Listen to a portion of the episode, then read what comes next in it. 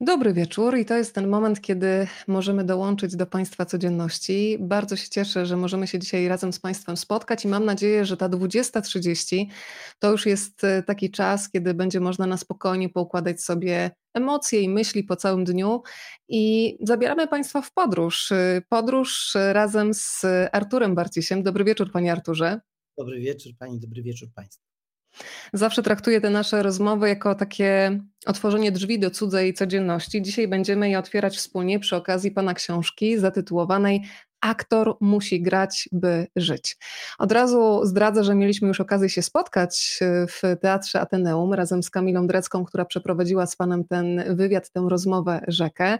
I od razu wtedy sobie pomyślałam, że jest przecież tylu Pana fanów, tylu widzów, którzy nie mieszkają w Warszawie, że szkoda by było te wszystkie piękne historie zamknąć tylko w gmachu Teatru Ateneum i dzisiaj puszczamy je dalej w świat. E, bardzo dziękuję, że przyjął Pan to zaproszenie. Mm, kojarzy mi się Pan z pasją, z takim wielkim szacunkiem e, dla widza, też z taką aktorską ruchliwością i takim głodem nowych ról, nowych wyzwań. Bardzo jestem ciekawa, jak wyglądał ten czwartek dla Pana, bo zaraz będziemy też Państwa pytać po drugiej stronie, jaki dzień mieli za sobą. Jak wyglądał ten czwartek w grafiku Artura Barcisia? Oj, był bardzo intensywny. Mm, e, miałem próbę w Och Teatrze, właściwie dzisiaj w Teatrze Polonia, bo tam w Teatrze ustawiali dekoracje więc miałem próbę e, Słonecznych Chłopców w reżyserii Marcina Hycnara. E, z Czarkiem Żakiem gramy tam dwie główne role. E, potem miałem mm, nagranie głosu do takiej gry komputerowej ale ponieważ mnie te gry nie za bardzo interesują, to nie pamiętam jej tytułu, a chyba nawet nie powinienem wymieniać, bo to już byłaby reklama. Mm, e, a potem miałem nagranie e, takich bajek, które napisały dzieci w konkursie e, na mm, takie maleńkie dzieło literackie pod tytułem chyba Skok w przyszłość, czy jesteśmy w przyszłości. Chodziło o to, żeby dzieci sobie wyobraziły, jak będzie wyglądał świat e, za 100 lat, czyli w 2121 roku.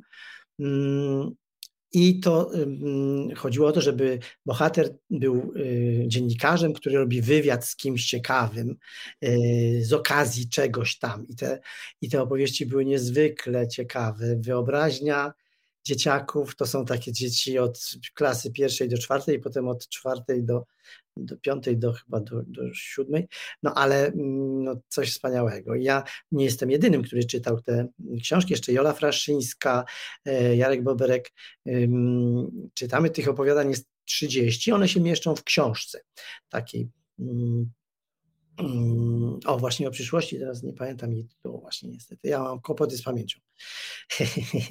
E, no i potem już pędziłem przez zakorkowaną Warszawę do domu, żeby, żeby spotkać się z panią i z państwem.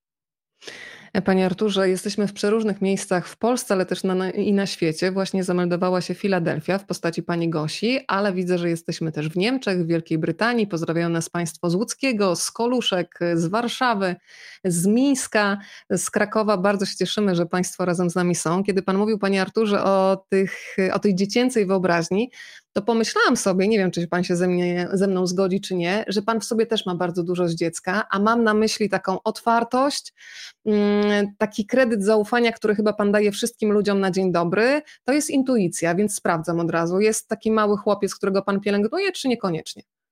Tak, tak, tak jest. Tyle, że ja, ja uważam, że wszyscy takiego chłopca, takie dziecko w sobie mamy, tylko trochę się go wstydzimy, trochę boimy się go posłuchać, e, a ja mu pozwalam. Ja, ja lubię być, czy może nie lubię, ale wolę być naiwny niż, niż podejrzliwy.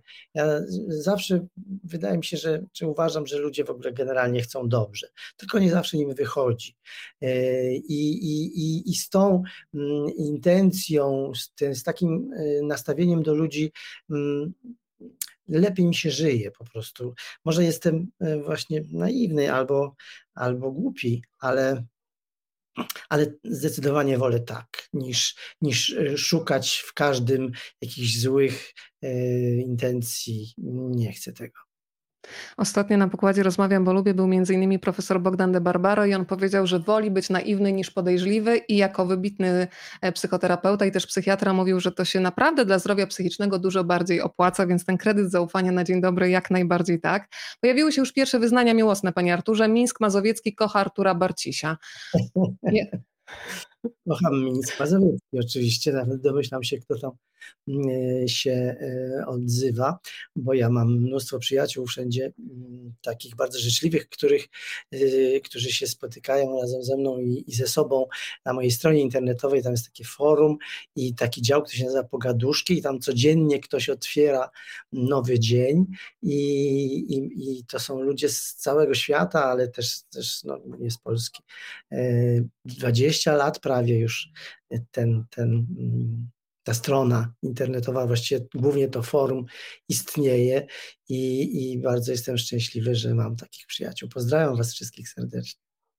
Nie wiem, czy Pan był na Maderze, ja tam jeszcze nie dotarłam, ale teraz jesteśmy dzięki Pani Ani, która nas pozdrawia właśnie z Madery. Piękne miejsce na świecie, do którego też planuję dotrzeć. Był Pan, Panie Arturze? Nie, nie, nie, nie byłem na Maderze nigdy. To teraz tak wirtualnie jesteśmy. A teraz przechodzę do punktu naszego spotkania, do punktu wyjścia dla naszego teraz, spotkania, teraz, czyli do książki. Madera, czy Madera jest, y, z geografii dostanę... Portugalska. A, portugalska, nie, nie, nie, bo nie jest częścią Wysp Kanaryjskich.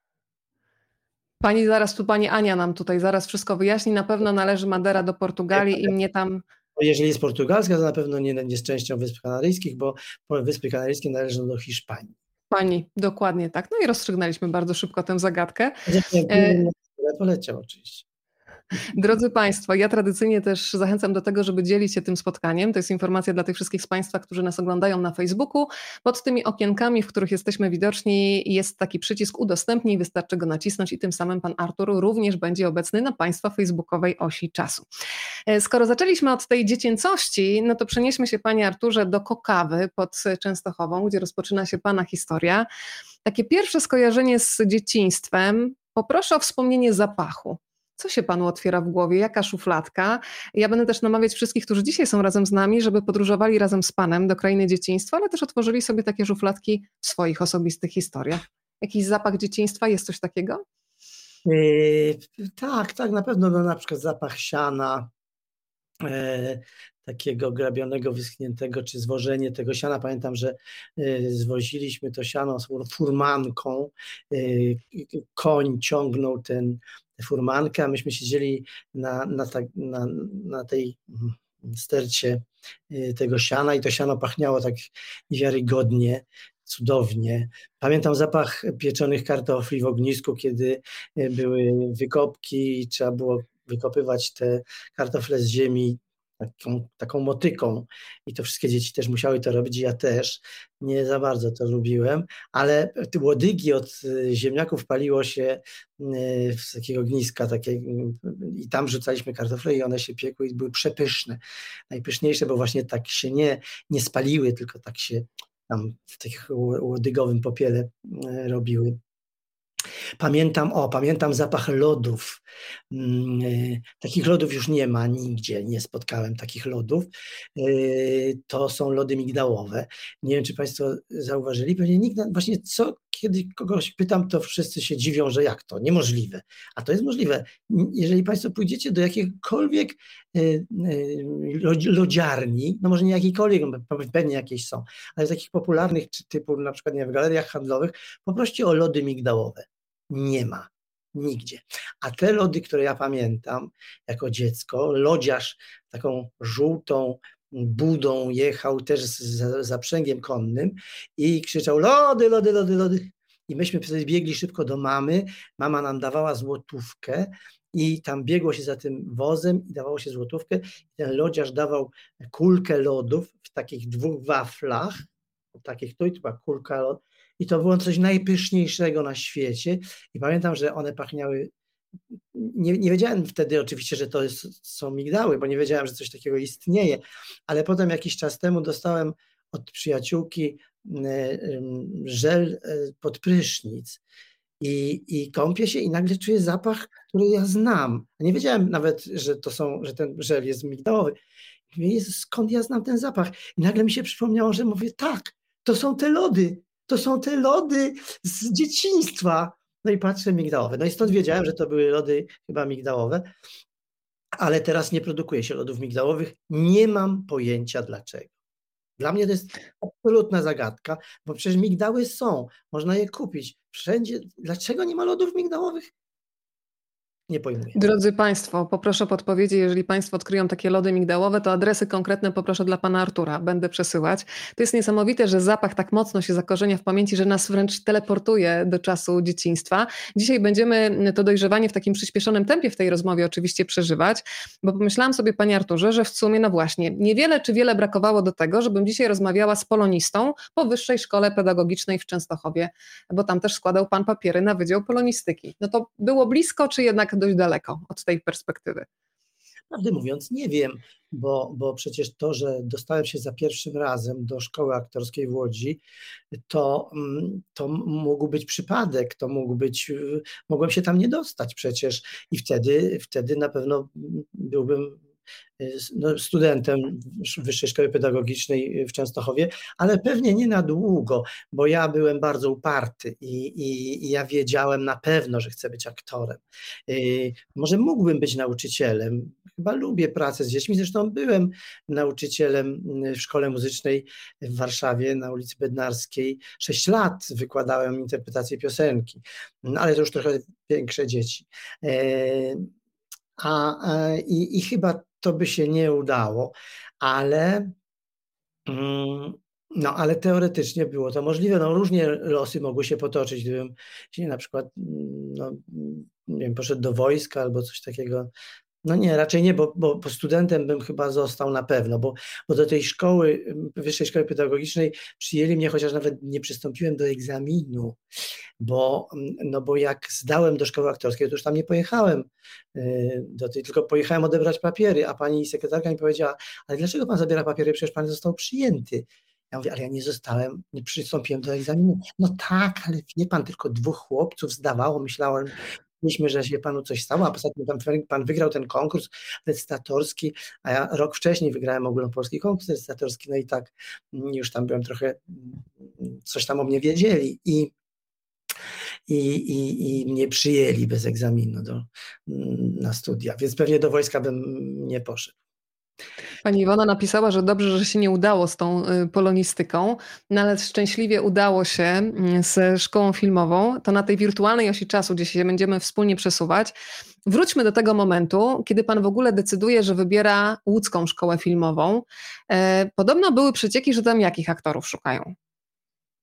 że właśnie w Łodzi szukają charakterystycznych. Znaczy szkoła łódzka chciała się w jakiś sposób wyróżnić. W tym rankingu szkół e, aktorskich była najniżej. Znaczy naj, najwyżej była Warszawa, potem był Kraków, a potem, a potem była Łódź. Wtedy wrocławskiej szkoły chyba jeszcze nie było w ogóle, natomiast był Wydział Larkarski w Białymstoku. I, i no i po prostu ja wręcz wiedziałem, jak wyglądam. No nie byłem wysokim, przystojnym brunetem, więc pomyślałem, że to jest moja szansa, że jeżeli oni stawiają jednak na, mm, na pewnego rodzaju charakterystyczność, no, że, a, a przynajmniej, no, że ten wygląd nie będzie taki ważny, to, mm, to, to mm, pomyślałem, że tam mam większe szanse. No i chyba miałem rację. A powiedzmy, jak się podzieliły głosy w komisji egzaminacyjnej, bo miał pan kobiety, które stały za panem, powiedziałabym, że murem, to się zresztą okazało po latach, nawet pewne wyznanie miłosne padło, o czym pan opowiada Kamili Dreckiej w książce. No ale był też mężczyzna, doskonale rozpoznawalny w świecie e, filmowym, aktorskim, który zgłosił weto, ale po latach publicznie powiedział, że był bardzo blisko błędu. Na szczęście jednak Artur Barciś się przecisnął przez to sito egzaminacyjne. O, o co chodzi? O kogo chodzi? No chodziło o to, że e, komisja podzieliła się na dwa obozy po moim pierwszym przesłuchaniu. Jeden obóz to był, na czele tego obozu stał opiekun, przyszły opiekun naszego roku, czyli Jan Machulski, który był przeciwny. On uważał, że ja nie, nie, wyglądam za dobrze i że nie rokuję, że jestem za słaby, za, no nie dam sobie rady po prostu. I, i, i wygląda, no wydawało mu się, że zresztą nie rozmawiałem z nim nigdy na ten temat. Dlaczego? Bo nie chciałem poruszać w ogóle tego, tego tematu. Nie chciałem, po pierwsze, żeby on się musiał tłumaczyć z tego, a poza tym, żeby no, to niezręczna rozmowa. Natomiast drugim, na, dru, na czele drugiego obozu była pani Maria Kaniewska, pani profesor Maria Kaniewska, która była dziekanem Wydziału Aktorskiego, miała y, no, ogromny szacunek i, i budziła respekt. E, a wraz z nią Jadwiga Chojnacka, która wykładała tam sceny klasyczne i one były przyjaciółkami, no i też y, y, pani Chojnacka, pani profesor Chojnacka też uważała, że absolutnie trzeba mnie przyjąć i ta rozmowa przebiegała w taki sposób, że, że mm, że w ogóle nie ma już nie, nie ma co gadać. Przyjmujemy go i koniec. I to usłyszał, to było pierwszej eliminacji. I to usłyszał jeden ze studentów, który tam pracował przy obsłudze e, egzaminów, Boguś Lęcznar, e, który do mnie przyszedł i mówi, powiedział mi, mały, dostałeś się do szkoły. Ja mówię, jak to? Przecież dopiero pierwsza eliminacja. Dostałeś się, dostałeś. Jak Mańka coś powie, to już przepadł. No i rzeczywiście, a potem ja myślałem też, jak już zacząłem studiować, to myślałem, że skoro, bo już wiedziałem z przecieków, że pani Maria mnie tak polubiła, że teraz będę miał jakieś fory, że w ogóle tego, a tu się okazało, że, że nie, że ona w ogóle zimny wychów. No właśnie chodziło o to, żebym ja nabrał takiej męskości, żebym się nauczył zderzać z, ze światem, który, no takie było zagrożenie, że ja wyglądam po prostu jak dziecko. No bo ja jak zdawałem do szkoły wyglądałem na 14 lat. No to nie, no nie, no nie, nie uchodzi. No i ona mnie tak po prostu wychowywała. A potem, kiedy spotkaliśmy się już, kiedy już byłem dosyć znanym aktorem nawet y, i, i rozmawialiśmy, to, to właśnie wtedy mi powiedziała, Boże, jak ja Cię kochałam, jak syna. tak, ale nie miałem z nią nigdy zajęć. Zresztą dziekanem przestała być po roku już i potem został Jan Zdrojewski. Panie Arturze, Państwo mnie tutaj pytają, czemu zerkam w bok. Od razu mówię, że zerkam w bok, kiedy patrzę na Państwa komentarze, bo tutaj mam kamerę, tutaj widzę, co Państwo piszą, więc proszę być w 100% przekonanym, że ja jestem z Państwem cały czas tutaj jako radiowiec. E, słucham, a jeżeli chcę zobaczyć, o co Państwo pytają, to muszę zerknąć ten bok tylko i wyłącznie dlatego, ale nic innego mnie tutaj nie rozprasza. Cały czas jestem z Państwem. Panie Arturze, to porozmawiajmy trochę jeszcze w Teatrze Ateneum. Pan powiedział o tym, że do tego stopnia były takie obawy o to, czy pan podoba fizycznie, że pan nawet został wysłany do kogoś, nie wiem jak to nazwać, do kogoś w rodzaju lekarza, higienistki. No i to było chyba bardzo deprymujące dla młodego człowieka. Dzisiaj się możemy z tego pośmiać, ale wtedy chyba do śmiechu nie było. Nie, nie, tam był gabinet lekarski. Wtedy mm, były takie po prostu gabinet lekarski. Nie, to była pani doktor.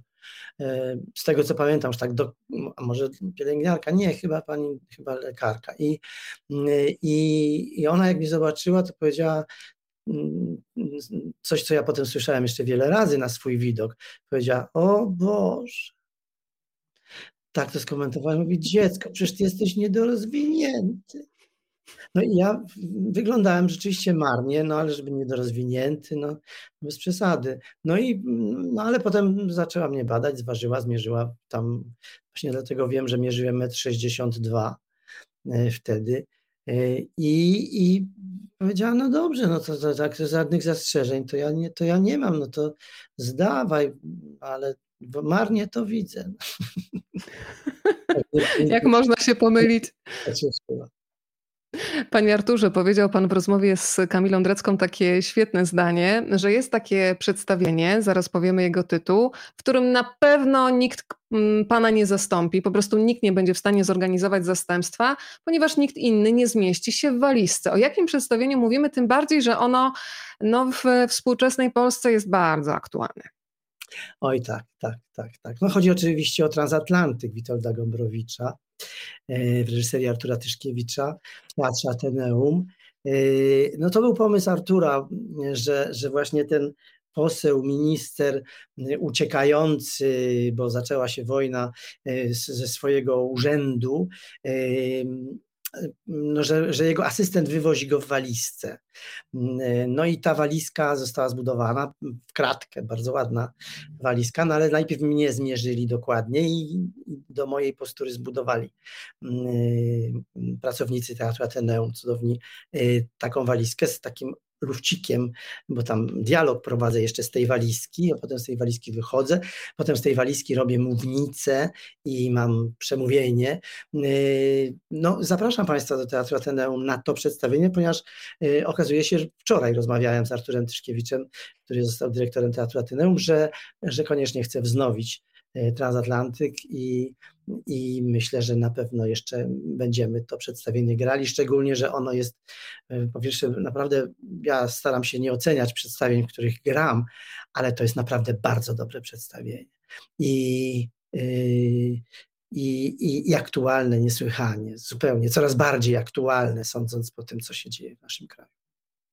Pan Artur zaprasza do Teatru Ateneum, a pan, panie Arturze, został przed chwilą zaproszony, niech ja tylko znajdę ten kalendarz, y, nie kalendarz, tylko komentarz, y, do Wiednia pan został zaproszony na lody migdałowe, mm, do słynnej lodziarni, koniecznie w, w pierwszym Bezirk zapraszam prywatnie dla pana Artura, będzie specjalna niespodzianka na tajne hasło. Panie Arturze, no to już Wiedeń czeka razem z lodami e, migdałowymi, to już mamy dzisiaj załatwioną jedną rzecz, e, ale teraz bym chciała, żebyśmy na chwilę opuścili Teatr Ateneum, do którego jeszcze na pewno dzisiaj nie raz, nie dwa będziemy wracać i przenieśli się do Teatru Narodowego, bo w książce zdradza Pan przepiękną historię przyjęcia do zespołu, który pokazuje, że aktorstwo, że ten zawód to jest zespół, to jest wspólnota, to jest otwarcie na drugiego człowieka, ale też bardzo trudne testy, które trzeba przejść, żeby w ogóle stać się częścią tego zespołu. Uruchommy proszę te wspomnienia. Oj, nie chciałbym tak wszystkiego opowiadać, bo, Jasne. bo, bo trzeba mieć książkę, żeby się tak wszystkiego dowiedzieć, ale ta, ta historia jest rzeczywiście niezwykła. Ja, znaczy ona się łączy z, z, mnóstwem innych wydarzeń i, i to się tak nie da po prostu wyjąć z kontekstu. No, zbieg okoliczności polityczno-stanowojennych e, i moich osobistych spowodował, że zostałem bez pracy, bez pieniędzy, bez dachu nad głową, bez niczego. I, i no i Jan Machulski wtedy mi pomógł. Ja zadzwoniłem do, do pana Janka i e, zapytałem, czy nie udałoby mu się e, z, z, załatwić mi audiencji u Adama Hanuszkiewicza, ponieważ uważałem, że tylko Hanuszkiewicz jest na tyle szalonym y, dyrektorem, na tyle szalonym artystą, że żeby mógł zaryzykować. W, w, środku sezonu, stan wojenny, no, straszne, straszne czasy, no ale musiałem jakoś się podnieść i no i spróbować, więc y, i, i, i pan Jan Machulski, znaczy Janek, już do dawna byliśmy na ty, y, wtedy jeszcze nie, y, załatwił mi taką audiencję i wtedy Adam Hanuszkiewicz wysłuchał mojej historii opowiedziałem mu, dlaczego chciał, to wiadomo, bo że chciałbym być w Teatrze Narodowym, ale dlaczego jestem bez pracy i tak dalej. I i kazał mi się nauczyć na, na następny dzień koncertu Jankiela, ponieważ akurat przygotowywał inscenizację, oczywiście własną inscenizację y, pana Tadeusza. I mm, no ja się oczywiście nauczyłem y, błyskawicznie tego monologu, prawie całego. No i następnego dnia y, wytłumaczył mi o co mu chodzi. Chodziło o to, żebym ten monolog mówił nie jako tam obserwator koncertu Jankiela, tylko jako jego syn, czy syn Jankiela, który zginął w powstaniu, y, znaczy w wojnie francusko w 1812 roku z Napoleonem poszedł walczyć o wolną Polskę, no i tam zginął i po nim został jego syn, który cały czas słyszy jego muzykę, jego, jego dźwięk, tych e, cymbałów, na których, na których gra i jakby jest szalał na punkcie też polskości, mm, patriotyzmu y, i, i, i tak dalej. I, I stąd mówi ten wspaniały monolog. No a niespodzianka była taka, że ja kiedy wszedłem na scenę, bo Hankiewicz zaprosił mnie na scenę, reflektory miałem w oczy, nic nie widziałem, tylko po prostu stałem najszczęśliwszym na świecie, czy będąc człowiekiem na głównej scenie Teatru Narodowego i mówiłem ten monolog i, i, i, i nagle kiedy skończyłem, rozległy się brawa i okazało się, że na widowni siedzi kwiat aktorzy po prostu Teatru Narodowego, których Hanuszkiewicz tam zaprosił, żeby, żeby pokazać swoje nowe odkrycie. Takie, to, to. Ja już tak wszystkiego nie pamiętam. Być może to byli tylko aktorzy biorący udział w Panu Tadeuszu, ale na pewno prawie wszyscy tam grali. Więc no, no rozliczałem się zwyczajnie. Takie łzy są dobre, łzy wzruszenia i takiej radości. To jest taki stan, kiedy człowiek tych emocji w sobie po prostu nie może pomieścić i one wypływają. Panie Arturze, a gdyby miał Pan odtworzyć taki moment największej tremy i jak ta trema u Pana wygląda, gdzie ona się umiejscawia. Czy to jest ściśnięty żołądek, czy to jest ściśnięte gardło, czy to jest rodzaj jakiegoś rozedrgania, czy dzisiaj pan jeszcze takie emocje miewa przed spektaklem, ale zacznijmy od tego momentu no, takiego wręcz paraliżu. Był jakiś taki spektakl, e, taki występ, który spowodował, że ciało wręcz pana zaskoczyło, że to jest takie rozedrganie i takie emocje. Tak, tak, oczywiście było wiele takich sytuacji. E, które, które, których nigdy nie zapomnę. E, pamiętam e, występ w Sopocie na przykład. Tego nie o tym nie ma w książce. Zostałem zaproszony do takiego koncertu festiwalu w Sopocie. Koncert, w którym aktorzy śpiewali piosenki zwycięzców tego, tego festiwalu, tego, tego bursztynowego słowika.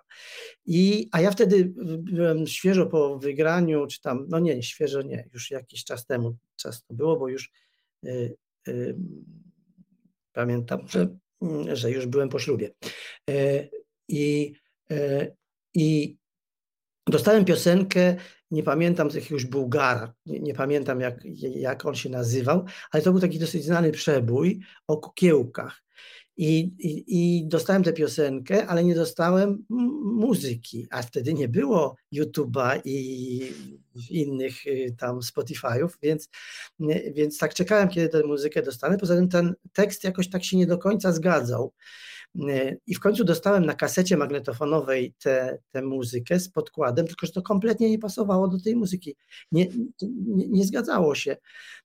No ale jakoś, jakoś tam próbowo, połączyłem, to połączyłem i to dostałem na kilka dni przed koncertem.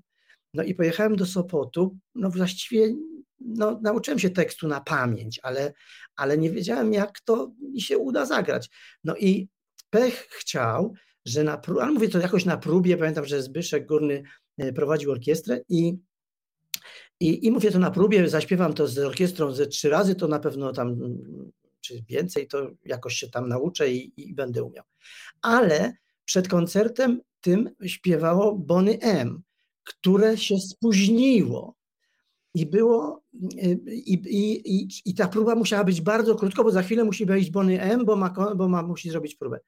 I ja wszedłem do tej, z tą piosenką na scenę i przez absolutny przypadek, może dlatego, że właśnie nie miałem jakiejś tremy strasznej, bo nie było widzów na widowni, zaśpiewałem tę piosenkę w całości bezbłędnie.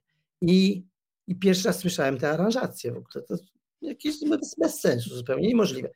I, i mówię do Zbyszka, nie, ale ja muszę jeszcze raz, ja muszę jeszcze raz, ja muszę ze trzy razy jeszcze to zaśpiewać. To był przypadek, że ja to zaśpiewałem. Nie, nie, nie, nie, nie mamy czasu, świetnie zaśpiewałeś, dobra, następna osoba, następna osoba. Bo Bonny M, bo Bonny M najważniejsze. Na szczęście coś mnie tknęło i nagra- włączyłem sobie magnetofon Grundig, taki na kasety, wtedy jak to śpiewałem. I, i poszedłem do hotelu i, i po prostu z tym magnetofonem Grundig śpiewałem tę piosenkę. No ale jak y, przyszło do występu, Lucjan Kydryński, Jerzy Gruza zapowiadali, a teraz zaśpiewa młody, obiecujący aktor, e, laureat piosenki aktorskiej w Wrocławiu, Artur Bacz. I w tym momencie jest przygrywka, wstęp do tej piosenki. Ja na tym wstępie miałem wbiec, e, rozejrzeć się, zobaczyć mikrofon, dobiec do mikrofonu i zacząć śpiewać. I w momencie, kiedy wchodzi Lucjan Kydryński na scenę i Jerzy Gruza, ja nie pamiętam, jak się zaczyna ta piosenka. Zapomniałem tekstu. Po prostu nie pamiętam, jak się zaczyna. Wiem dalej, następne zwrotki wiem, ale nie wiem, jak się zaczyna. Jak się zaczyna, ale już jest wstęp.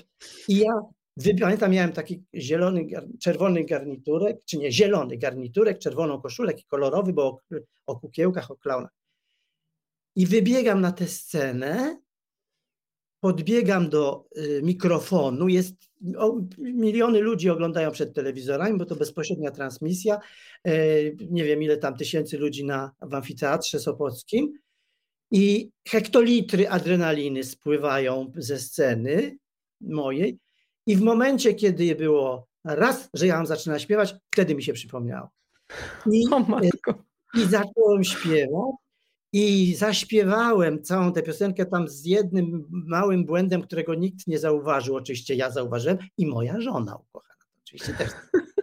E, ale jakoś zaśpiewałem i jak zszedłem za kulisy, to po prostu w nogi miałem zwaty kompletnie. Z takich sytuacji mm, przeżyłem kilka. Była taka historia jeszcze z e, śpiewaniem piosenki boksera e, Włodzimierza Wysockiego w spektaklu Konie narowiste, ale wolę już o tym nie pamiętać. To wypieramy to z pamięci, żeby drugi raz nie przeżywać traumy. A dzisiaj, panie Arturze, przed wyjściem na scenę zdarza się panu jeszcze taka paraliżująca scena, czy to jest bardziej ekscytacja i ten moment, że już się pan nie może doczekać, kiedy pan wyjdzie na scenę? E, w normalnych sztukach już raczej tylko mobilizujące. Ja już sobie nie, nie pozwalam na to, żeby się nie, nie przygotować na tyle, żeby, żeby mieć taki dyskomfort, bo to jest naprawdę okropne. E, zdarza mi się czasem, jak śpiewam, że no to, to jest ta świadomość, że jeżeli śpiewam do półplaybacku, na przykład do taśmy, co mi się też zdarza, to wiem, że ta taśma nie poczeka. E, jeżeli śpiewam z zespołem muzycznym, e, a też mi się to zdarza, pozdrawiam serdecznie moich muzyków, to, mm, to wiem, że oni jakoś tam poczekają, ale najprawdopodobniej widz zauważy, że ja się tam chlapnąłem i że trzeba ni stąd, ni zowąd jakieś, jakaś muzyka idzie. Y, mm, no nie lubię tego bardzo, ale dlatego tak się boję śpiewać nowych piosenek. To mnie, to mnie paraliżuje rzeczywiście. Natomiast w takim normalnym graniu, nie, no może w zemście jest czasami taki, taki strach, no bo tam nie można nic zmienić. To jest y, tekst Fredry, który jest napisany bardzo wyraźnym rytmem y, i rymem i tam no, nie wolno, po prostu to jest, to jest y, Biblia. Więc, e, ale z kolei ja ubóstwiam grać papki na Fredrze w teatrze i no, trudno. Chociaż właściwie jak już wbiegam na scenę i mówię do Czarka Żaka, Bóg z waszmością mój cześniku, to już, to już ta trema gdzieś tam odchodzi, bo wiem też, że na scenie mam przyjaciół, którzy w razie czego pomogą. Tak jak Wiktor Zborowski kiedyś za mnie jedną kwestię powiedział. Czyli można liczyć na, na, wsparcie kolegów, a jeżeli Państwo są ciekawi, w jaki sposób Pan Artur się dowiedział tego, że ta rola Papkina mu została zaproponowana, to odsyłam do książki. E, też e, bardzo ciekawa opowieść, oczywiście związana z Panią Krystyną Jandą. Przemknął, przemknął mi tutaj komentarz e, od jednej z pań, Pani Justyny, która wspomina pana Artura w filmach Krzysztofa Kieślowskiego. E, te filmy, które się zapamiętuje na całe życie. Bardzo lubię tę część opowieści, panie Arturze, kiedy pan opowiada o Krzysztofie Kieślowskim. Po pierwsze, jako takim reżyserze bardzo wymagającym wobec samego siebie, który cały czas nie do końca był zadowolony z tego, co udało mu się stworzyć, a jednocześnie, żeby to był taki reżyser, pan użył takiego sformułowania, który wskazywał drogę. Możemy rozwinąć, bo e, z tej opowieści z książkowej wynika, że nie każdy reżyser posiada taką umiejętność, umiejętność wskazania drogi i poprowadzenia aktora. Jak panowie się spotkali, bo tutaj przypadek, od razu to słowo też się wyświetla w głowie, miał znaczenie. Tak, tak. No, Krzysztof y, był legendą już w czasie, kiedy ja byłem studentem. Y, legendą taką no, polityczną, ponieważ on, wiesz, właściwie chyba wszystkie jego filmy były wtedy na półkach. To były filmy głównie dokumentalne. I on przyjeżdżał do szkoły, do nas tam do Łodzi i, i pokazywał nam te filmy, rozmawiał z nami, opowiadał o tym. Był, dla mnie to był bohater, dla mnie to było coś tak odważnego, że on się nie boi takich rzeczy mówić. On otwarcie krytykował ten system, ten socjalizm mówił o tym, jak to, jak to trzeba obnażać. Tylko wtedy, kiedy będzie się mówiło prawdę o tym, to, to, to, to, to będzie można go, można coś z tym zrobić. I, i kiedy y, Zadzwoniła do mnie Grzanka, czyli jego asystentka, która miała taką ksywę Grzanka, z, z no, taką propozycją, że Krzysztof Kieślowski chciałby, żebym zagrał w jego filmie pod tytułem Szczęśliwy koniec. Taki był tytuł wówczas roboczy.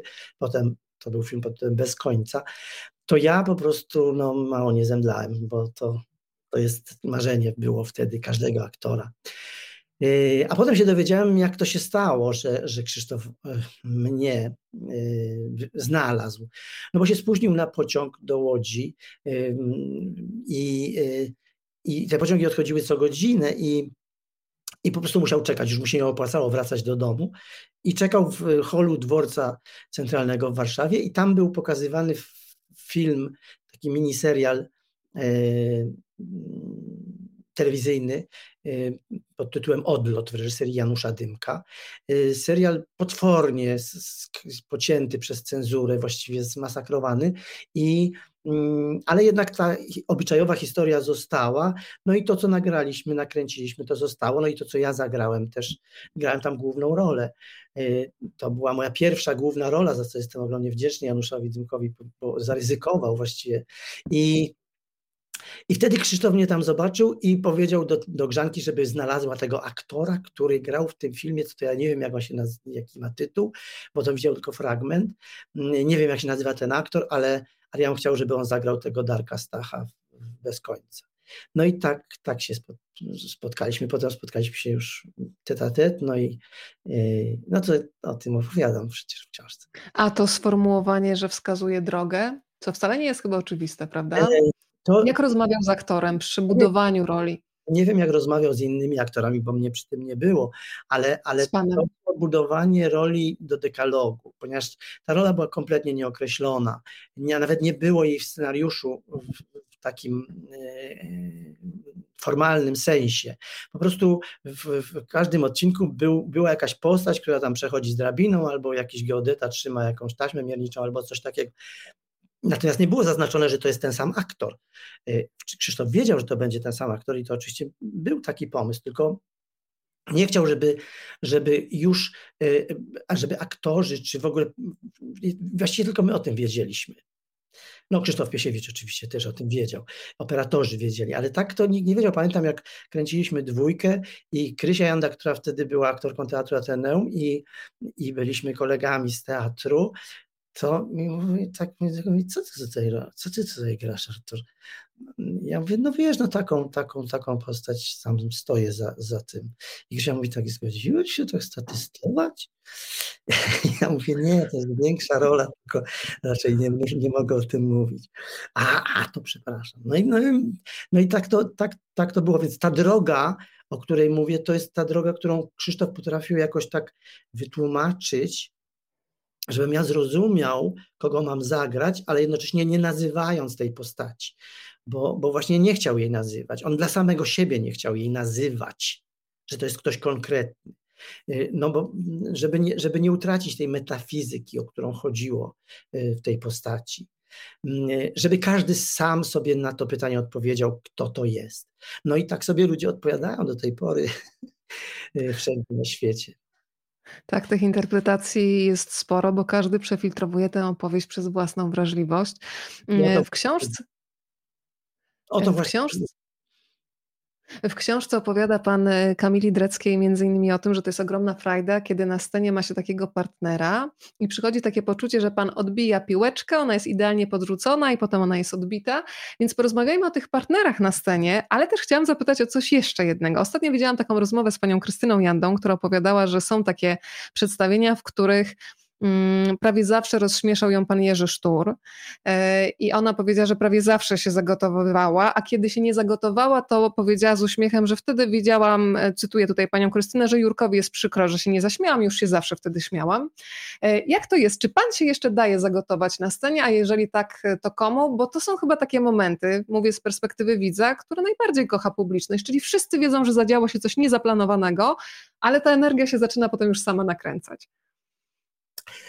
No tak, ja nawet wiem, jaki to, jaki to spektakl, bo byłem na tym spektaklu. Y, to, to był spektakl Trzy Jednaktówki Czechowa y, i to było w, w, w tej jednaktówce Niedźwiedź, której, której Jurek tam robił mm, cuda, żeby Krysia się ugotowała i, i ja czasami ją podejrzewałem, że ona się tak specjalnie gotuje, bo wie, że publiczności się to bardzo podoba. A ponieważ jest doskonałą aktorką, no potrafi zagrać nawet to, że się niby przypadkowo ugotowała tutaj zdradzać jakichś tajemnic, no ale, a, ale nie, może się jej gotowa naprawdę. Tak czy inaczej, żeby, no, część widzów może nie wiedzieć, gotować się oznacza się zacząć prywatnie śmiać, żeby to było jasne. Ja tego nienawidzę. Nienawidzę, chociaż zdarza mi się to niestety. No bo, no, bo, no po prostu czasem mnie coś tak rozśmieszy, że nie jestem w stanie się powstrzymać.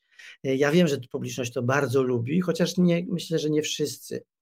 E, bo wytrąca to. W komedii jakoś to uchodzi, chociaż z drugiej strony w komedii właśnie nie, bo powinno się być śmiertelnie poważnym. Wtedy się jest śmiesznym, wtedy, wtedy to, co gramy, jest zabawne.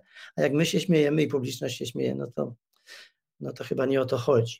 Teraz w, w, świetnej, w tej sztuce, którą teraz przygotowujemy, czyli Słoneczni Chłopcy, z Czarkiem Żakiem jest taka genialna scena, genialna, że ja mówię do Williego, czyli do, do Czarka Żaka, mówię, mm, ty przez 40 lat opowiadałeś ludziom ze sceny dowcipy, a nigdy nie pamiętam, żebyś się zaśmiał.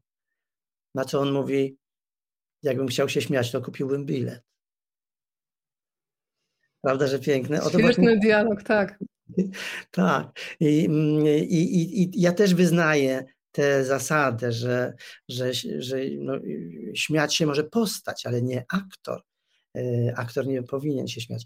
No ale z drugiej strony czasami jesteśmy po prostu tylko ludźmi i, i ja wiem, że wtedy publiczność tak to lubi, że, że no o, o są, nie, nie są postaciami, tylko są prywatnie. Zajrzeliśmy, zobaczyliśmy ich słabość i to jest też ta, taka słabość sympatyczna w sumie bardzo, więc no trudno, zdarza się. No ale nie odpowiedział mi pan, pan, panie Arturze, kto o tak pana zagotował. Konkretnie tutaj jakieś nazwisko. Kto ma takie zdolności, że nawet Artura Barcisia, który nie znosi się zagotować na scenie, jednak do, tej, do tego wrzenia doprowadził. Tego wrzenia oczywiście, no, które to, powoduje prywatność. Sporo Czarek Żak uwielbia to robić, uwielbia. On jest tak, tak cię cieszy, jak mnie ugotuje, chociaż rzadko mu się to zdarza. E, to chyba była Jasia Kurowska. Jasia Kurowska, która, mm, która no, najbardziej ją właściwie śmieszy to, jak ja cierpię, kiedy się gotuję. Ja cierpię. Ja płyną mi łzy z oczu i walczę ze sobą, żeby, żeby się przestać śmiać. No, ale czasami się nie udaje, wszystko przez to, że że, no, nie, ale nie chcę opowiadać tej anegdoty, bo ona jest bardzo smaczna.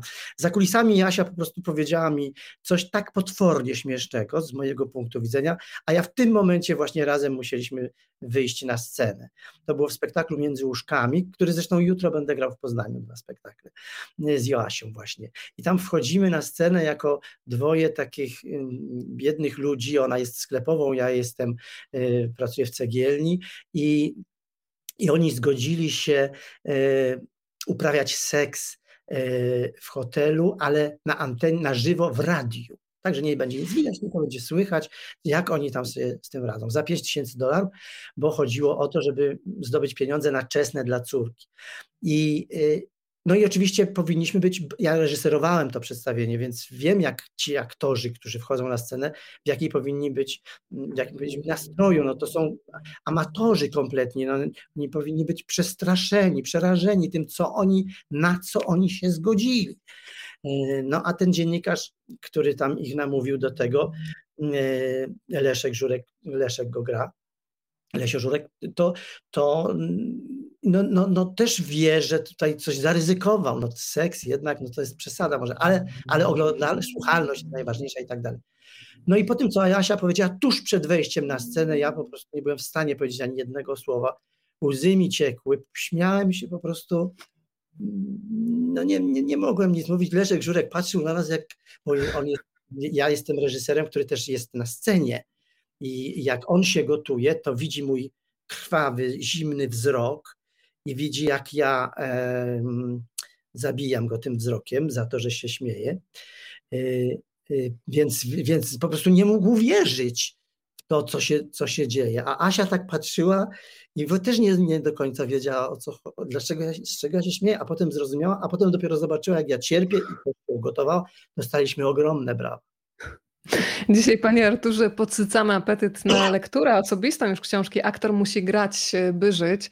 Bardzo się cieszę, że w tej książce poznajemy pana jako aktora, jako reżysera, jako twórcę też obrazów, jest też taki wątek, ale bardzo lubię też tę część prywatną, kiedy możemy pana poznać jako męża, jako ojca i jako dziadka. To zatrzymajmy się przy tej roli męża. Padło już tutaj imię pani Beaty, Beby. Są państwo małżeństwem ponad 30 lat lat. Mnie bardzo wzruszył ten opis, kiedy pan mówi na przykład o tym, że ta miłość się składa z takich okruszków, na przykład dosłownie też z okruszków ciasta, które pan pieczy dla żony, więc postanowiłam tutaj e, wyjaśnić sytuację, która nie jest do końca wyjaśniona w książce. Jakie jest takie popisowe ciasto Artura Barcisia dla żony? Ach, to chyba jest. Nie, nie Ale jakie? No, drożdżowe, ciasto drożdżowe, którego ja nigdy nie piekłem. Ja piekłem różne ciasta, lubię siedzieć w kuchni, lubię pitrasić, y, lubię zapraszać przyjaciół, którzy... Y, jestem próżny bardzo, więc jak mi mówią, ależ jakie to pyszne Artur zrobiłeś, ja wtedy już oszaleję.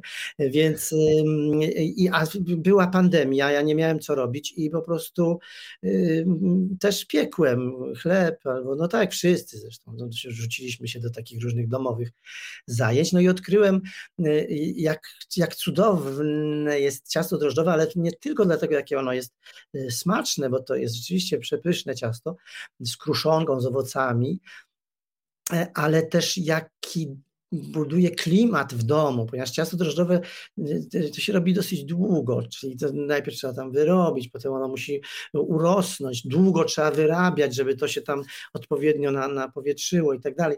To, to rękami, to w tym innych tam mikromixach czy jakichś tam innych robotach, to to nie jest tak. To trzeba rękami porządnie wyrobić tam ze 20 minut, żeby to masło wrobić w ciasto. To się tak nie da. No więc ja lubię to i a potem jak to zaczyna y, pachnieć w piekarniku, to jest zapach niepowtarzalny, absolutnie nic tak nie pachnie jak piekące się ciasto y, drożdżowe.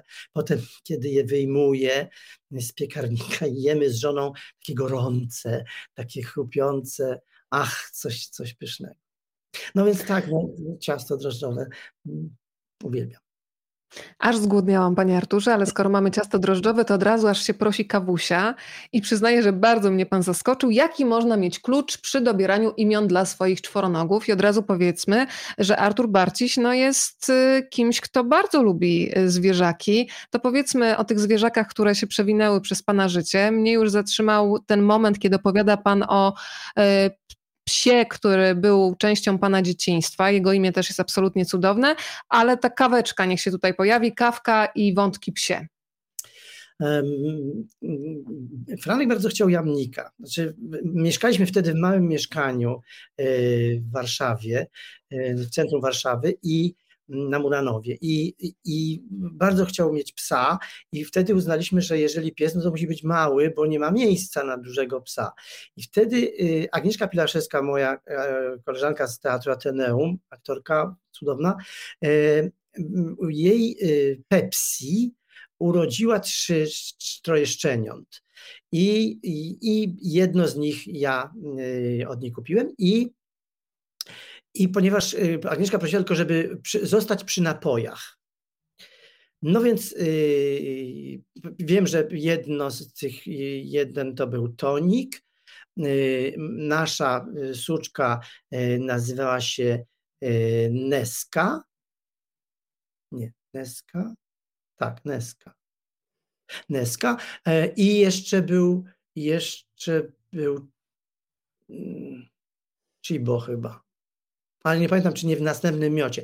I potem jak Neska y, y, urodziła troje szczeniąt, to właśnie była Inka, czyli ta, która z nami została, czyli mieliśmy dwoje, dwoje dwie, dwie jamniczki, I jeszcze, a to wtedy był Chibo, który poszedł do mojej ciotki i jeszcze był Pedros, który y, z, zmarł przy porodzie, czyli urodził się, za chwilę po porodzie umarł. I, i mm, No i potem, kiedy, no one już było bardzo dawno temu, kiedy Neska jako, znaczy Inka Inka najadła się karmy na ślimaki, która była podobno nieszkodliwa dla zwierząt, a Inka też była, trzeba być takim odkurzaczem. Ona zjadała wszystko. Jak kawałek cebuli spadł z, z, ze stołu, to ona natychmiast zjadała, a potem się dziwiła, że to takie jakieś dziwnie, dziwnie jest smaczne.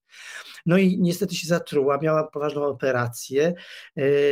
No i, i potem już konsekwencje tego były i dwa lata później y, odeszła od nas. No i, i i wtedy i Lurka była sama i, i żona mi tak mówiła, słuchaj, tego Lurka, to, nie Lurka, przepraszam. Lura się, się dopiero pojawi, prawda? Neska, Neska była sama i mówi, ta Neska taka samotna, może byśmy jeszcze coś tamtego. I była rocznica nasza, 25, rocznica ślubu, 25 i, i ja wtedy jej zakupiłem z takiej hodowli, prawdziwie kupiłem jej mm, mm, Ach nie, jeszcze źle pomyliłem. Nie, jeszcze wcześniej był, było napad na taką, znaczy nalot na taką y, hodowlę dziką w bloku E, gdzie te zwierzęta robiły na siebie w klatkach, wynajęte mieszkania, jakieś straszne rzeczy i, i tam były różne, różne te psy i, ta, i, i nasz weterynarz powiedział, tutaj idą do schroniska, to może byście wzięli takiego jamnika niewydarzonego. No i ten właśnie jamnik niewydarzony to, to była strasznie wychudzona jamniczka, y, jaśnie, o jaśniejszej barwie, ale też taka nieduża strasznie chuda i, i, I tak szukałem jakiejś nazwy dla, z kawy, no i tak, no ale przecież mówię nie nazwę psa lawatca. Y, no i, i ponieważ tak mi przyszło do głowy, że ona taka chuda i taka jasna, to nazwałem ją Lura. No i jej się bardzo spodobało i Lurka do tej pory z nami jest. No a potem właśnie była taka Lurka taka samotna, bo w międzyczasie Inka też już sobie się pożegnała, poszła do, do psiego nieba i, i że Lurka była taka samotna. No i wtedy, i wtedy mm, przyszła do nas gama, które są z nami cały czas. A to jest niesamowite. Nie była, nie była już z napojów, bo, bo z kolei y, muzyczne imię bardzo mi się podoba. To jest niesamowite, jak jest skonstruowane to drzewo genealogiczne jamników e, piesków w rodzinie państwa Barcisiów. E, bardzo piękna historia, a skoro padło hasło, że muzyczne imię, to chyba możemy zdradzić Panie Arturze, że forma musicalowa to jest coś, co jest bardzo Panu bliskie i na temat musicalu Pan pisał pracę magisterską. Powiedzmy o takim ukochanym musicalu, albo o w ogóle o takim typie muzyki czy artysty, który dzisiaj, kiedy go Pan słyszy, to po prostu Pana zatrzymuje, jest w głowie, pracuje. E, czego pan słucha na co dzień? Zacznijmy od tego ukochanego musicalu, a potem o takich głosach, które pana otulają i które powodują, że po prostu jest przyjemnie na sercu. Ja teraz zgłupiałem, bo ja teraz nie wiem, jaki musical pani ma na myśli. Tych musicali jest bardzo dużo, takich, które ja uwielbiam. Ostatnio się rozkochałem w czymś, co do głowy mi nie przyszło, że ja mogę coś takiego uwielbiać, bo ja nie, raczej nie przepadam za hip-hopem, a to jest y, musical Hamilton, który, który, w którym z kolei zakochał się y, mój syn i, i specjalnie zrobił nam seans y, na naszym telewizorze tego musicalu, który kiedyś tam był pokazywany e, online. I, no i rzeczywiście coś, coś wspaniałego. Jest mnóstwo takich musicali. Chyba najlepszym musicalem, jaki widziałem w życiu, filmowym musicalem, to jest oczywiście kabaret. E, to jest arcydzieło absolutne e, Boba Fosse. Ale grałem też w musicalu Chicago, nie wiem, Cats, to też jest taki musical, którego nigdy nie zapomnę na Broadwayu w Nowym Jorku. E, nie wierzyłem po prostu w to, co widzę, to, to, to, co, to, co ci wybitni, wspaniali artyści prezentowali. No i nie wiem, tych takich musicali jest y, cała masa. Teraz y, pracuję nad musicalem, który, który musicalem do tej pory chyba nie był, mm, ale bardzo bym chciał, żeby się nim stał, czyli Zemstą Nietoperza dla Teatru Muzycznego w Lublinie. Y, premierę mm, będziemy mieli 26 marca i już się ogromnie na nią cieszę. Przygotowuję ją razem właśnie też z moim synem, który będzie robił te wszystkie efekty medialne. Bardzo chcę, żeby e, multimedialnym. Bardzo chciałbym, żeby to było bardzo nowoczesne przedstawienie i tradycyjne jednocześnie, czyli żeby, żeby ta piękna muzyka e, Straussa funkcjonowała jako no, właśnie arcydzieło, a jednocześnie, żeby artyści występujący mieli do tego dystans, żeby, żeby to była operetka, ale że tak powiem z, z przymrużeniem oka, e, wizualnie bardzo efektowna, bardzo nowoczesna, a jednocześnie mm, e, no, z poczuciem humoru. Panie Arturze, zaskoczył mnie Pan pod wieloma względami po lekturze tej książki. Na przykład w życiu bym nie powiedziała, że Pan potrafi, może potrafił, zaraz zrobimy aktualizację, dziergać swetry. I też projektował tuniki, więc y, od razu zróbmy aktualizację. Nadal Artur bardziej by potrafił zrobić taki sweter dla kogoś? Pewnie tak, to są takie rzeczy, których się nie zapomina, jak, jak jazda konna czy jazda na, na rowerze. E, oczywiście dawno drutów nie miałem w ręku, nie miałem takiej potrzeby. Ja po prostu, będąc tam dzieckiem, nauczyłem się tego robić. Miałem zdolności manualne, jak mama robiła na drutach, ja też tak chciałem spróbować, no i po prostu się nauczyłem. A potem w stanie wojennym, kiedy nie mieliśmy co jeść, no może nie aż tak, no ale było ciężko bardzo, nie było za co żyć, trwał bojkot, nie, nie graliśmy w telewizji i, i odkryłem, przypomniałem sobie te umiejętności i zacząłem robić swetry koleżankom. To zawsze były takie małe dzieła sztuki. Ja je komponowałem w różne tam obrazy, jakieś impresje, wzorowałem się na właśnie na impresjonistach i, i, i, i robiłem takie, e, takie rzeczy, czasem ze sprutych starych swetrów, a potem odkryłem, że trochę mi szkoda czasu na to dzierganie, więc, więc wpadłem na, taką, na taki pomysł, właściwie to podrzuciła mi go moja siostra e, e, Asia, o której też tam w tej książce opowiadam, niestety już świętej pamięci, która mm, podrzuciła mi taki pomysł, żeby z kawałków różnych swetrów, one mogą być nawet lekko sfilcowane, układać różne mozaiki. E, jeżeli, jeżeli e, pamiętacie Państwo Pieta Mondriana, to, to to jest ten, ten, ta, ta droga. I i zacząłem szyć takie tuniki z kawałków różnych swetrów. Najpierw żonie, potem żona się pokazała w teatrze, to ja też taki chcę, ktoś, koleżanka powiedziała to tamtego, a potem y, no, zacząłem zarabiać w ten sposób, no bo to przynosiło jakiś tam dochód. Nawet część z tego zawiozłem, pamiętam, do Niemiec, gdzie, gdzie była moja przyjaciółka i, i, i tam w dzień siedziałem na zmywaku, a potem jakoś te swetry udało się sprzedać. No i I, i, I, w ten sposób sobie dorabiałem. No też szyłem, bo umiem szyć. Pani Małgosia pisze, no to teraz ciekawe, kto jeszcze ma taki sweter, ten sprzed lat? Można by sprawdzić i popytać wśród kolegów e, aktorów, a przede wszystkim chyba koleżanek e, aktorek. To trzeba będzie sprawdzić przy okazji następnej. Drodzy Państwo, to też jest moment dla Was. Mamy jeszcze kwadrans na to, żeby najważniejsze pytania z Państwa strony padły, do czego zachęcam. A ja, Panie Arturze, jestem bardzo ciekawa, która część książki była dla Pana najciekawsza w tym wracaniu wspomnieniami, no właśnie, do czasów dzieciństwa, do czasów studiów, studiów, e, do czasów początków reżyserowania, e, czyli tego momentu, kiedy można już mieć wpływ na całość przedstawienia. Mam wrażenie, że to było takie odświeżanie różnych sytuacji, o których się czasem zapomina. Zresztą pan na początku się zarzekał, że nic z tej książki nie będzie, bo pan ma kiepską pamięć, ale jednak się udało. To który element był dla pana najciekawszy też z perspektywy czasu, bo do pewnych rzeczy się nie wraca, dopóki nie będziemy zmobilizowani przez kogoś z zewnątrz. Trudno mi jest powiedzieć, który był najciekawszy, bo ja mm, w ogóle generalnie nie chciałem mm, Uważałem, że to nie, że nie ma potrzeby, żeby taka książka się ukazywała, tym bardziej, że wcześniej, no parę wiele lat temu ukazała się już taki, taka książka, taki wywiad rzeka i wydawało mi się, że ja się będę powtarzał. No i czasami niestety musiałem coś powtórzyć jeszcze raz, bo, no, bo co miałem o, o, dzieciństwie coś wzmyślać, no nic więcej nie pamiętałem. No ale potem pojawiły się inne wątki i, i myślę, że najbardziej traumatyczna była opowieść o tej pracy w Nowym Jorku przy zdzieraniu azbestu. To, było, to była potwornie ciężka praca. Ja nigdy tak ciężko fizycznie nie pracowałem. Nie zdawałem sobie wtedy zupełnie sprawy, że to jest aż tak niebezpieczne, chociaż Amerykanie bardzo dbali o to, żebyśmy byli zabezpieczeni. Pracowaliśmy w kombinezonach z takimi e, maskami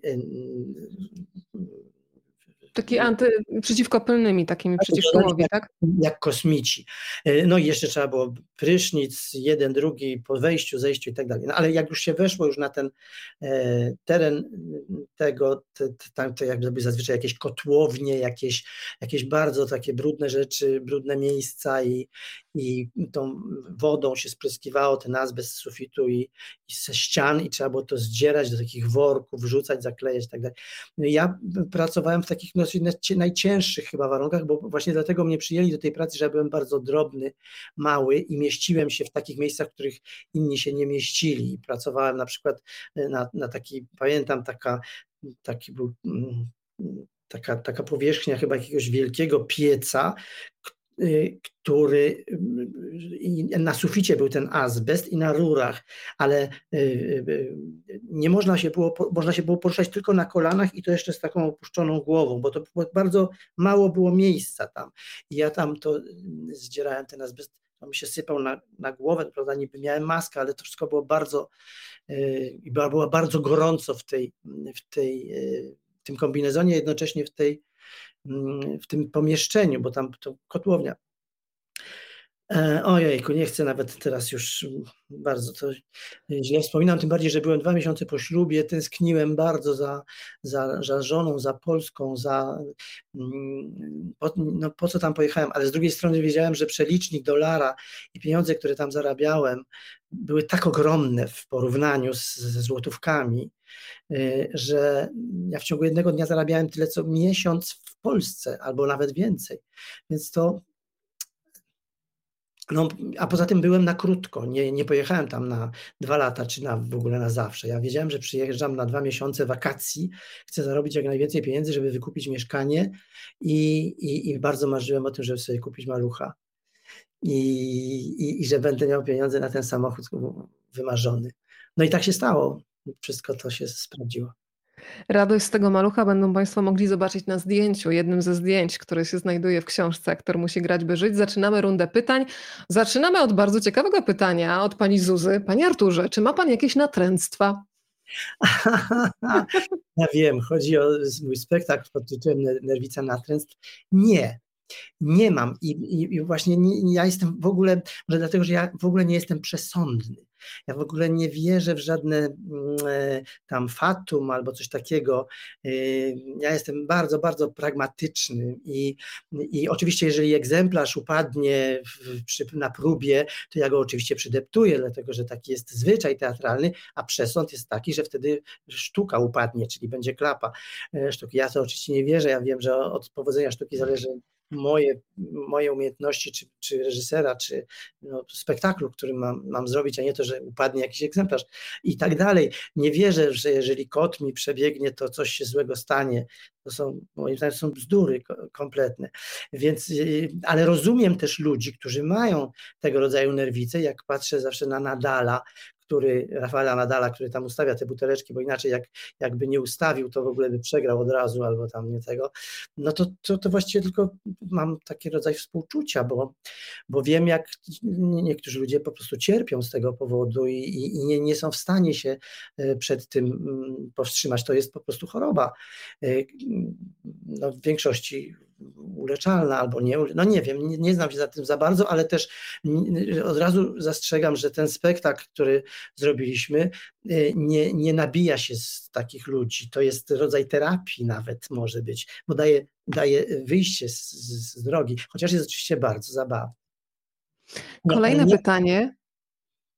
Od y, Tośki. Której cechy pan u siebie nie lubi? To ja od razu rozwinę to pytanie żeby jeszcze pan Artur nam powiedział, którą lubi tak najbardziej, a której nie lubi i której by się najchętniej pozbył.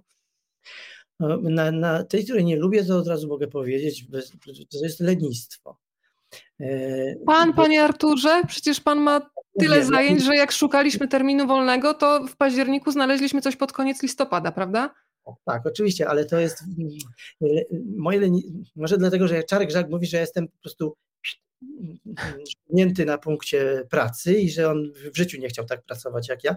Ja z kolei bardzo lubię moją pracę, bardzo lubię pracować, ale też mam y, jak na przykład mam się uczyć tekstu na pamięć, a, a, najczęściej po prostu to jest najtrudniejsze zadanie, bo ja już potem zagrać to już umiem, tylko, tylko nie umiem, jeżeli nie umiem tekstu, to y, ja wiem, wiem na pewno, że wielu z Państwa też tak ma, że jak coś jest trzeba koniecznie coś zrobić, to się zaraz znajdzie mnóstwo bardzo fajnych rzeczy, które trzeba zrobić najpierw.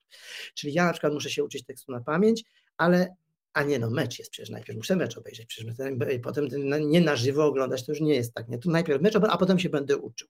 A potem, a nie, jeszcze miałem zadzwonić do mamy, a to jeszcze miałem zadzwonić, a to jeszcze miałem to zrobić, to jeszcze to i to jest, to jest oczywiście lenistwo, bo powinienem natychmiast zostawić mecze, zostawić wszystko i siedzieć i wkuwać, bo to jest mój obowiązek. No ale lenistwo zwycięża czasami, chociaż już no teraz wiem, że nie zbliża się premiera i tekst już właściwie umiem, więc e, e, będę się, no nie, nie mogę się oddać lenistwu, bo, bo muszę opracować e, tekst Zemsty Nietoperza, obiecałem do soboty, czyli do, do pojutrze, ojej, no ale zrobię to. A ta cecha, za którą się Pan lubi najbardziej? Myślę, że ta naiwność. Ja lubię być naiwny. Myślę, że jestem człowiekiem życzliwym.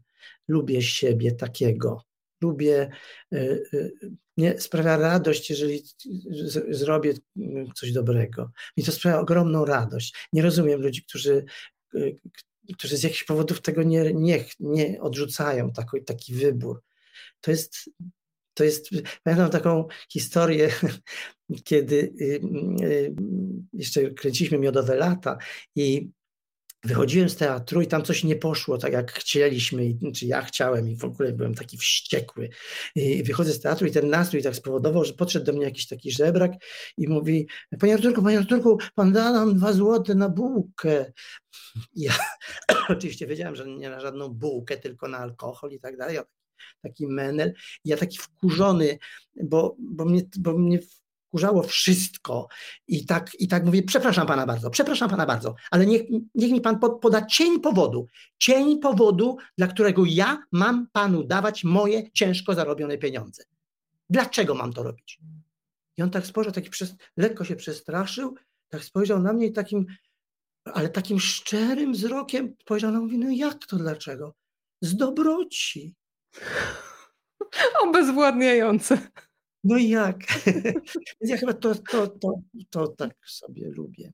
Lubię też, nie wiem co jeszcze, ja lubię, w ogóle lubię siebie chyba. Fantastyczna cecha. Niektórym bardzo e, wiele czasu zajmuje to polubienie samego siebie, więc cieszę się, że po drugiej stronie mam e, człowieka spełnionego, bo to polubienie siebie to myślę, że to jest jedna z najważniejszych rzeczy, do której powinniśmy w życiu dążyć. Pytanie od kogoś, kto kryje się za takim skrótem MAKKO. Która rola, panie Arturze, była dla pana najważniejsza? Oj, to jest takie pytanie, które bardzo często jest mi zadawane na różnych, na różnych spotkaniach. Ja bardzo trudno mi jest odpowiedzieć na to pytanie, dlatego że takich ról było bardzo dużo, takich, które jakby prowadziły mnie na tej drodze y, aktorskiej. Z, z, pewnością dekalog, czyli ta postać z dekalogu była niezwykle ważną e, rolą w sensie takim no, historycznym. E, dekalog jest lekturą obowiązkową we wszystkich szkołach filmowych świata. Ta postać jest omawiana na różnych tam zajęciach, pisano prace magisterskie, doktorskie na temat tej postaci, więc jeżeli ja byłem bohaterem, grałem taką rolę ważną, no to, to chyba ona jest bardzo ważna, ale przecież bardzo ważne są moje role komediowe. I, ja jestem szczęśliwy, że zagrałem w serialu Miodowe Lata i daję do tej pory ludziom tyle radości, to jest, to jest wielka, wielka, wielka, wielkie szczęście moje. Czy Rancho, y, który był trochę innym serialem, ale też ważnym niezwykle i rola, moja rola y, Arkadiusza Czerepacha też jest w moim dorobku jedną z najważniejszych, z całą pewnością. Jest mnóstwo ról teatralnych, które, które uwielbiam, choćby ten poseł minister z Transatlantyku, uwielbiam grać w te role. Jeśli nie mogę doczekać, kiedy, kiedy znowu, czy Papkin w Zemście, czy Lejzorek w burzliwym życiu Lejzorka. No ja już jestem, mam 65 lat, na scenie już jestem ponad 40 i tych ról zagrałem mm, bardzo dużo. Panie Arturze, pan Przemek właśnie dziękuję panu za miodowe lata, za całą masę śmiechu. To jest też ogromny przywilej, że można ludziom dawać radość na scenie. Pojawiło się też pytanie, panie Arturze, o wymarzone podróże. Pani Jasia o to pyta. Oj, ja bardzo lubię, bardzo lubię podróżować. E, coraz rzadziej y, to robię, chyba że zawodowo, bo, bo często gramy tam gdzieś w Ameryce, w, w, w Europie. Takim zawodowym, e, e, znaczy takim marzeniem podróżniczym to jest Portugalia. Nigdy nie byłem w Portugalii, a wiem, moje dzieci, znaczy Franek i Ania e, byli w, w Portugalii i opowiadali cudowne zupełnie historie z tego kraju. Bardzo bym chciał tam pojechać, ale właśnie po prostu pozwiedzać. Ja lubię zwiedzać, lubię oglądać rzeczy, których nigdy nie widziałem. Pamiętam w Sydney, kiedy zobaczyłem gmach opery, to po prostu stałem i tak, i tak nie mogłem uwierzyć, że to jest naprawdę, to jest naprawdę, czy takie przyrodnicze zjawiska, jak, jak Niagara na przykład, czy jeszcze parę innych takich, no nie widziałem nigdy wodospadu Wiktorii w Kenii, ale też bym chciał to zobaczyć, czy, czy nie wiem, Kilimandżaro, no to są takie miejsca, które bym, bym pewnie chciał zobaczyć, ale może jak, no ale ja powiedziałem, że ja nigdy na emeryturę nie pójdę, chyba że już, że już nie będę mógł wykonywać tego zawodu, yy, no to wtedy będę podróżował. Panie Arturze, to umówmy się tak, że ja panu po tym spotkaniu podeślę swoją książkę, którą napisałam z Martą Pańszą, Lizbona, miasto, które przytula, żeby pan poczuł już tę Portugalię, a potem ruszył w podróż. Niech pana to miasto przytuli. Bo ja nie mam kiedy do tej Lizbony pojechać. A to miasto, jak już ono jest uzależniające, od razu ostrzegam, jak się raz pojedzie, od 10 lat tam wracam i, i, jestem przekonana, że swoją emeryturę tam spędzę. Jest pytanie od pani Eli, która śledziła bardzo dokładnie naszą rozmowę. Pan powiedział o tym, że się lubi. Czy od zawsze pan siebie lubi, czy to przyszło z wiekiem? Z wiekiem. Nie, nie, ja siebie nie lubiłem. Ja siebie nie lubiłem jako, jako człowiek, jako, znaczy nie jako człowiek, jako z wyglądu. Ja chciałem być wysoki i przystojny a, a tak mi się no, nie udało. E, więc ja nie, nie. Ale panie Arturze, w książce pada takie cudowne zdanie przy okazji jakiego spektaklu, że koleżanki do pana powiedziały: Artur, my nie wiedziałyśmy, że ty możesz być taki przystojny. O co chodziło? Old Love. Grałem w takim przedstawieniu z, ja, z Małgosią Ostrowską-Królikowską pod tytułem Old Love, od takiej, o takiej spóźnionej miłości. E, no i tam no, miałem garnitur i taki byłem zamożnym człowiekiem, więc mm, e. No, no nie wiem, może tak chciały mi zrobić przyjemność. E, nie, nie, ja już teraz siebie akceptuję i nawet wydaje mi się, że teraz wyglądam lepiej niż, niż za młodych czasów. No jak oglądam te filmy takie wczesne, to ja taki szczurek, mm, strasznie mi się, się, sobie nie podobał. E, też nie, nie akceptowałem się w dużym stopniu e, z powodów no, różnych, miałem straszne kompleksy, gdzieś tam ten chłopak ze wsi niedouczony, nie, nie, nieoczytany, nie, nie, to, to, to strasznie mi tak dołowało. Potem zdałem sobie sprawę, że właśnie to, że jestem ze wsi pewnie mnie zbudowało, pewnie właśnie spowodowało to, że jestem tym, kim jestem i że i, i, i kiedy słucham, nie wiem, konkursu Szepenowskiego, to płaczę, czy, czy, czy jakiś, tak, czy oglądam, teraz byłem w Paryżu i, i spędziłem dwie, trzy godziny w Muzeum d'Orsay i, i, patrzyłem na te obrazy, których, o których cudownie opowiadał profesor Zagrodzki e, w, w, z historii sztuki w, w szkole e, filmowej w Łodzi. E, no, pewnie pewnie to mnie takim, takim zrobiło. Więc ja już od dawna siebie zaakceptowałem, po prostu taki jestem. Staram się nie popełniać błędu, ale na tych błędach uczyć, bo oczywiście bardzo często je popełniam i, i często y, czasem zdarza mi się zrobić coś niedobrego, ale nigdy nie mam złych intencji.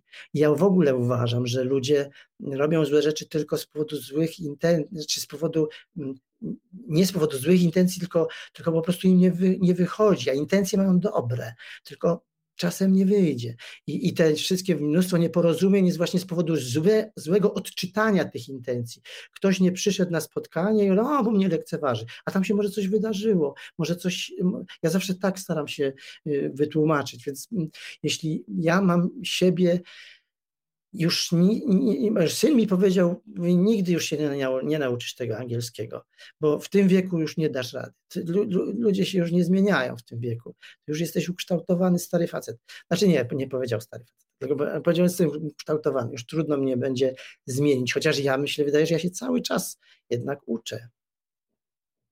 Panie Arturze, ostatnie pytanie od Państwa, bo obiecałam Panu, że Pana wypuszczę za 15, bo przecież słyszeliśmy, że zemsta nietoperza jest do przygotowania, więc e, a przede wszystkim e, oddamy Pana żonie, żebyście mogli spokojnie porozmawiać, bo dzisiaj był dzień tak rozpędzony, że, e, że czas na, na to, co najważniejsze w życiu.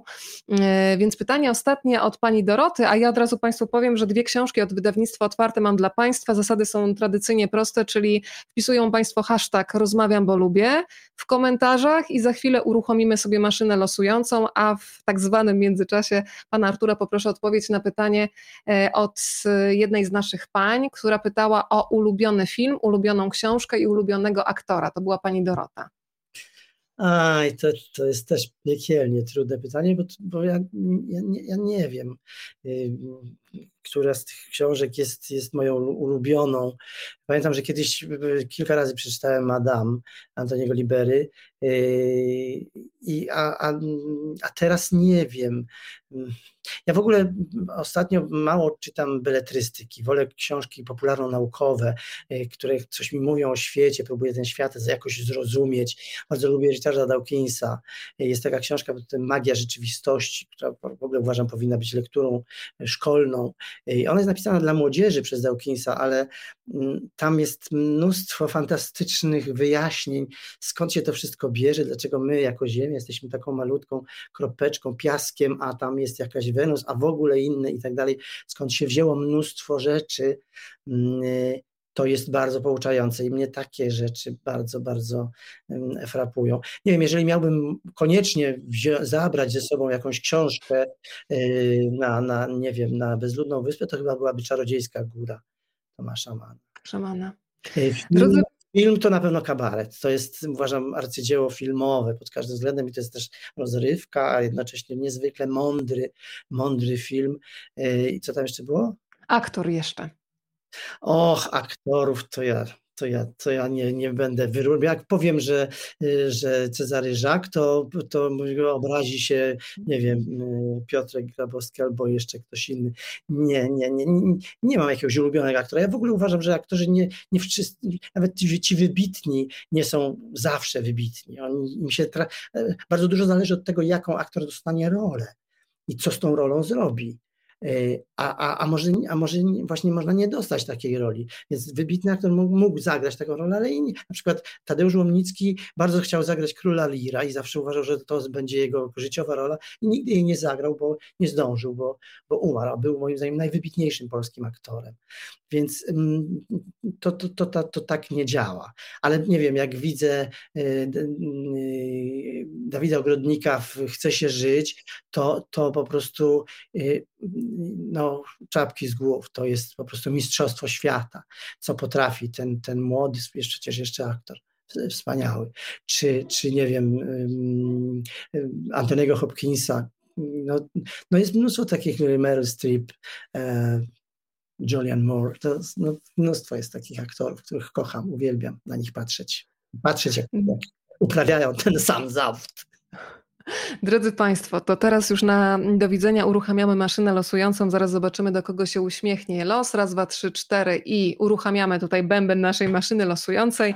Zawsze sobie żartuję, Panie Arturze, że goście są zawsze wtedy w sytuacji tej szanownej komisji gier i zakładów, którą obserwowaliśmy przy e, Lotto. O, Pani Tośka w takim razie, e, to jest pierwsza nasza zwyciężczyni i jeszcze raz uruchamiamy naszą maszynę i będziemy mieć już wszystko jasne. Panie Arturze, ponieważ my się już żegnamy, to poproszę Pana jeszcze taką rozpiskę słowną e, dotyczącą tego, gdzie Pana będzie można spotkać w najbliższym czasie e, podczas występów teatralnych. Państwo są w różnych miejscach w Polsce, Pan też podróżuje, więc notujemy sobie. I gratuluję Pani Małgosi. Wszystkiego nie, nie pamiętam, bo ja to mam szczegółowo wpisane w kalendarzu, ale to, co na bieżąco, to pamiętam, czyli jutro y, w teatrze, byłym teatrze Apollo, teraz to się nazywa Wojard y, w Poznaniu, dwa spektakle między łóżkami.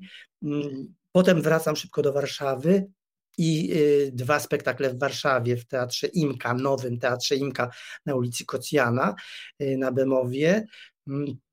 Potem gram w Teatrze Ateneum y, Castellaviste, bardzo, bardzo lubiany przez widzów spektakl, a dalej to już nie pamiętam, ale na pewno no, zbliża się premiera Słonecznych Chłopców, yy, jeszcze gram chyba Nerwizę Natręs, tak, w przyszłym tygodniu,